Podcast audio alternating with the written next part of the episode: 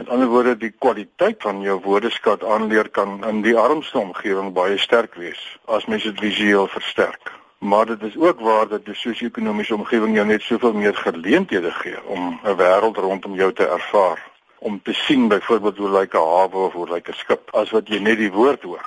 Dit was nogal vir my interessant dat hulle in hulle navorsing sê dat die sosio-ekonomiese omstandighede nie so 'n groot rol hoef te speel nie. En ek dink in ons omstandighede is dit 'n verblydende aspek. So sê professor Johan Anker, die fisiedekaan van die fakulteit opvoedkunde by die Kaapse Skiereiland Universiteit van Tegnologie se Wellington kampus.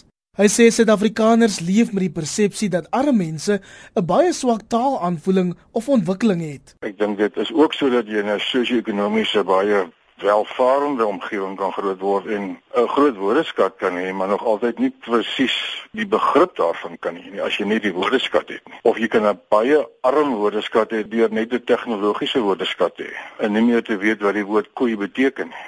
Die navorsers glo dat ouers hulle kinders kan help om nuwe woorde aan te leer deur visuele verwysings te gebruik.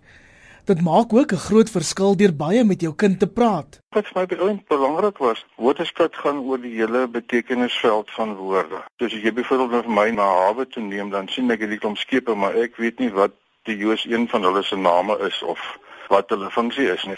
Ek weet met ander woorde nie wat ek sien nie. Al ken ek die woord skip en so kan 'n mens die woord boom ken en in 'n bos wees en nie weet watter soort bome hier is nie. So altyd die idee dat woorde 'n baie groot veld van betekenis. Kos is nie net kos nie. Ek het net nou staan en dink wat maak die kinders eintlik die mekaar as ons so treintjie speel en sê hier kom die treintjie, hier kom die treintjies en jy moet leer eet. Want later gaan jy nie weet wat die verskil tussen 'n trein en kos is nie. Wanneer jy nou 'n trein met jy aankom.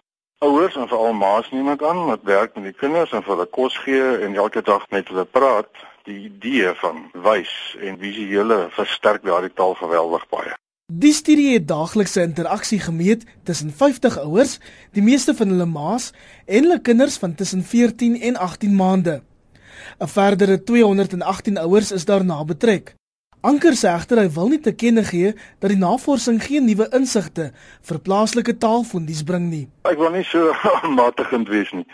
Ek dink dit is 'n beginsel wat ekerlik toegepas word. Ek dink as mens kyk na hoe kinders leer praat en woordeskat aanleer, dan is dit dikwels juis om wat ons noem om aan te wys, né? Dit is 'n klavier of dit is 'n appel of dit is 'n peer. Dit is 'n baie bekende manier van taal aanleer. Dit is sekerlik sodat mense dit nie genoeg doen nie en en ek dink wat die navorsing daar sê is dit kan baie help om die woordeskat te verbeter omdat die woordeskat verbind word dan direk met die voorwerp waarna dit verwys.